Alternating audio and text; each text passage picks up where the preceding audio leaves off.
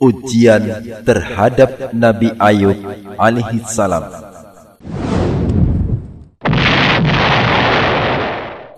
Anak-anakku sekalian, semoga Allah memberi kesabaran kepada kita semuanya.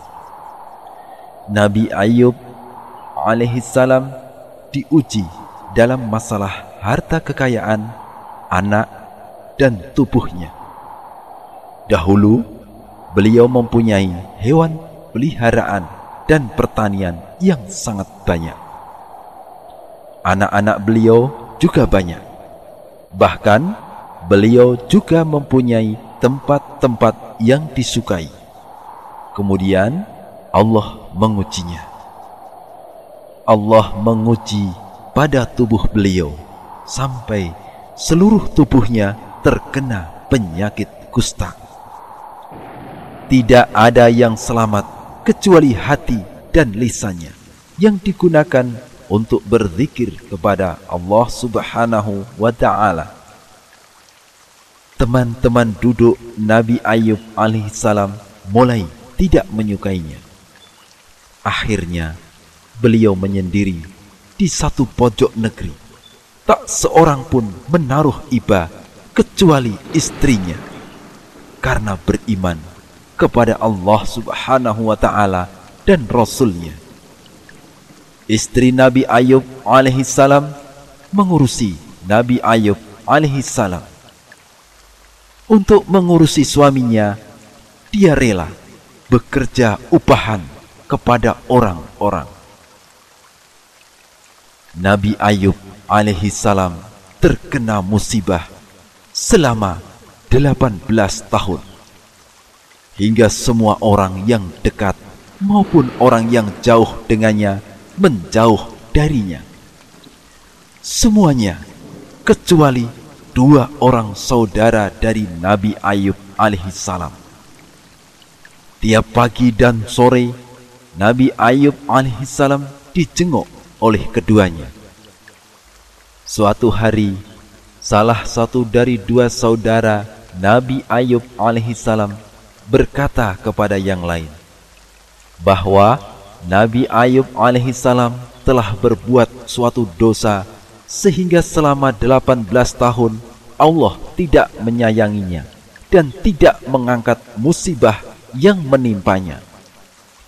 Ketika hal itu disampaikan kepada Nabi Ayub alaihissalam, maka Nabi Ayub alaihissalam berkata bahwa beliau pernah menghukumi perkara dua orang yang sedang berselisih. Lalu kedua orang yang berselisih itu sama-sama menyebut nama Allah Subhanahu wa taala. Akhirnya Nabi Ayub alaihissalam mengingkari kedua orang yang berselisih itu. Nabi Ayub alaihissalam mengingkari dua-duanya karena tidak suka nama Allah Subhanahu wa taala disebut kecuali dalam kebenaran. Nabi Ayub alaihissalam keluar untuk memenuhi hajatnya. Bila dia telah memenuhi hajatnya, maka istrinya memegangi tangannya hingga sampai ke rumahnya. Suatu hari, dia terlambat menemui istrinya. Allah subhanahu wa ta'ala menurunkan wahyu kepada Nabi Ayub alaihissalam untuk menghentakkan kakinya ke tanah. Maka keluarlah air yang dingin untuk mandi dan diminum. Sehingga penyakit di badannya hilang, baik penyakit yang di luar maupun penyakit yang ada di dalam badannya. Anak-anakku sekalian, semoga Allah menyayangi kalian semuanya. Istrinya merasa Nabi Ayub alaihissalam datang terlambat, ia menunggu-nunggu kedatangan Nabi Ayub alaihissalam. Akhirnya, Nabi Ayub alaihissalam datang menemuinya dalam keadaan telah sembuh. Rupa Nabi Ayub alaihissalam menjadi lebih bagus dari sebelum sakit. Ketika sang istri melihat Nabi Ayub alaihissalam, dia berkata, Semoga Allah memberkaimu Apakah kamu melihat Nabi Allah yang diberi musibah penyakit? Aku tidak melihat orang yang lebih mirip dengannya daripada kamu. Saat Nabi Ayub sedang sehat, maka Nabi Ayub alaihissalam menjawab, Sungguh, aku adalah dia. Konon, Nabi Ayub alaihissalam memiliki dua gudang penyimpanan dan penumbukan. Satu untuk biji gandum dan satu untuk sair, yakni sejenis gandum. Kemudian Allah Subhanahu wa taala mengutus dua awan. Salah satunya ke gudang biji gandum. Awan itu menuangkan emas padanya sampai melimpah. Dan awan yang satunya menuju ke gudang sair. Lalu memenuhi gudang itu dengan perak sampai melimpah. Kemudian Nabi Ayub alaihissalam diberi anugerah berupa keluarga dan harta. Sungguh Allah Subhanahu wa taala telah menyayangi Nabi Ayub alaihissalam karena kesabaran, keteguhan, ketawakalan, ketawaduan serta ketenangannya. Allah Subhanahu wa taala menghidupkan keluarganya yang dulu ditiadakan dan menambah anggota keluarganya sebanyak anggota yang sudah ada. Nabi Ayub alaihissalam pernah marah kepada istrinya sebanyak satu kali karena kesalahan istrinya. Nabi Ayub alaihissalam bersumpah untuk mencambuknya seratus kali jika telah disembuhkan oleh Allah subhanahu wa ta'ala. Ketika Allah subhanahu wa ta'ala telah menyembuhkannya, maka Nabi Ayub alaihissalam merasa tidak pantas untuk membalas semua kebaikan istrinya dengan pukulan. Padahal istri Nabi Ayub alaihissalam telah melayani, menyayangi, mengasihi dan berbuat baik kepadanya. Kemudian Allah Subhanahu wa taala memerintahkan Nabi Ayub alaihissalam agar mengambil setandan anggur yang berjumlah seratus. Kemudian dipukulkan kepada istrinya satu kali. Berarti Nabi Ayub alaihissalam telah melaksanakan sumpah dan menunaikan nadarnya.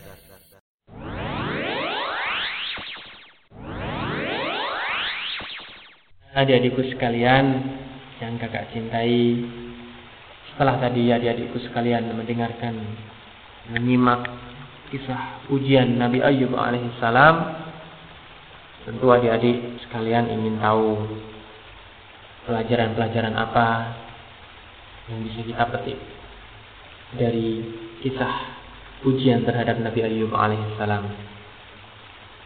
Adik-adikku sekalian yang soleh dan solihah, Kaidah yang pertama yang bisa kita petik dari kisah tersebut adalah Allah Subhanahu wa taala akan menguji setiap hambanya untuk mengetahui siapakah di antara hamba-hambanya itu yang paling beriman. Jadi Allah Subhanahu wa taala menguji dengan cobaan, dengan ujian untuk diketahui siapakah di antara hamba-hamba Allah Subhanahu wa taala yang paling beriman.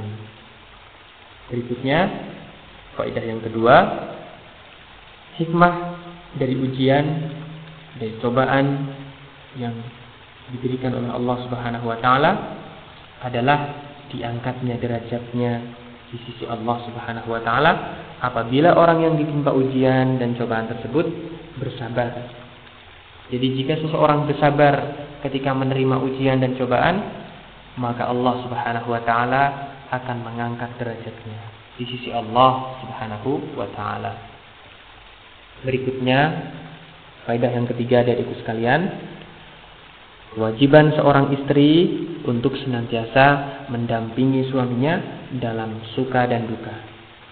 Dalam kesedihan, dalam senang, seorang istri harus senantiasa mendampingi suaminya dan senantiasa taat kepada suaminya. Berikutnya, faedah yang keempat dari kisah ini kita diajarkan untuk bersabar ketika kita menghadapi musibah jika kita ditimpa musibah, kita harus bersabar atas musibah yang menimpa kita. Karena tadi orang yang bersabar ketika menghadapi musibah, menghadapi cobaan, maka Allah Subhanahu wa taala akan mengangkat derajatnya di sisi Allah Subhanahu wa taala. Berikutnya faedah yang kelima dari sekalian, Allah Subhanahu wa taala akan memberikan pahala dan balasan yang jauh lebih baik bagi hamba-hambanya yang bersabar dan tawakal hanya kepada Allah Subhanahu wa taala. Kemudian faedah yang keenam adikku, Allah Maha Kuasa untuk menyembuhkan segala penyakit. Karena Allah Subhanahu wa taala Maha Kuasa atas segala sesuatu. Jadi, kalau kita sakit, maka Allah Subhanahu wa taala yang akan menyembuhkan kita. Selanjutnya, faedah yang ketujuh, kita dianjurkan untuk membalas kebaikan seseorang yang telah berbuat baik kepada kita dengan kebaikan pula. Jadi kita membalas kebaikan dengan kebaikan. Kemudian faedah yang terakhir ada di sekalian dari kisahnya Nabi Ayub yang kedelapan. Jadi kita harus mudah untuk memaafkan kesalahan orang lain. Kita mudah untuk memberikan maaf atas kesalahan-kesalahan dan kehilafan-kehilafan yang dilakukan oleh orang lain terhadap kita. Belum tadi ada ibu sekalian, beberapa faedah yang semoga bermanfaat untuk kita semuanya. Semoga ibu sekalian menjadi orang-orang yang bersabar. Allah Subhanahu wa taala jadikan kita sebagai orang-orang yang sabar ketika menghadapi segala musibah.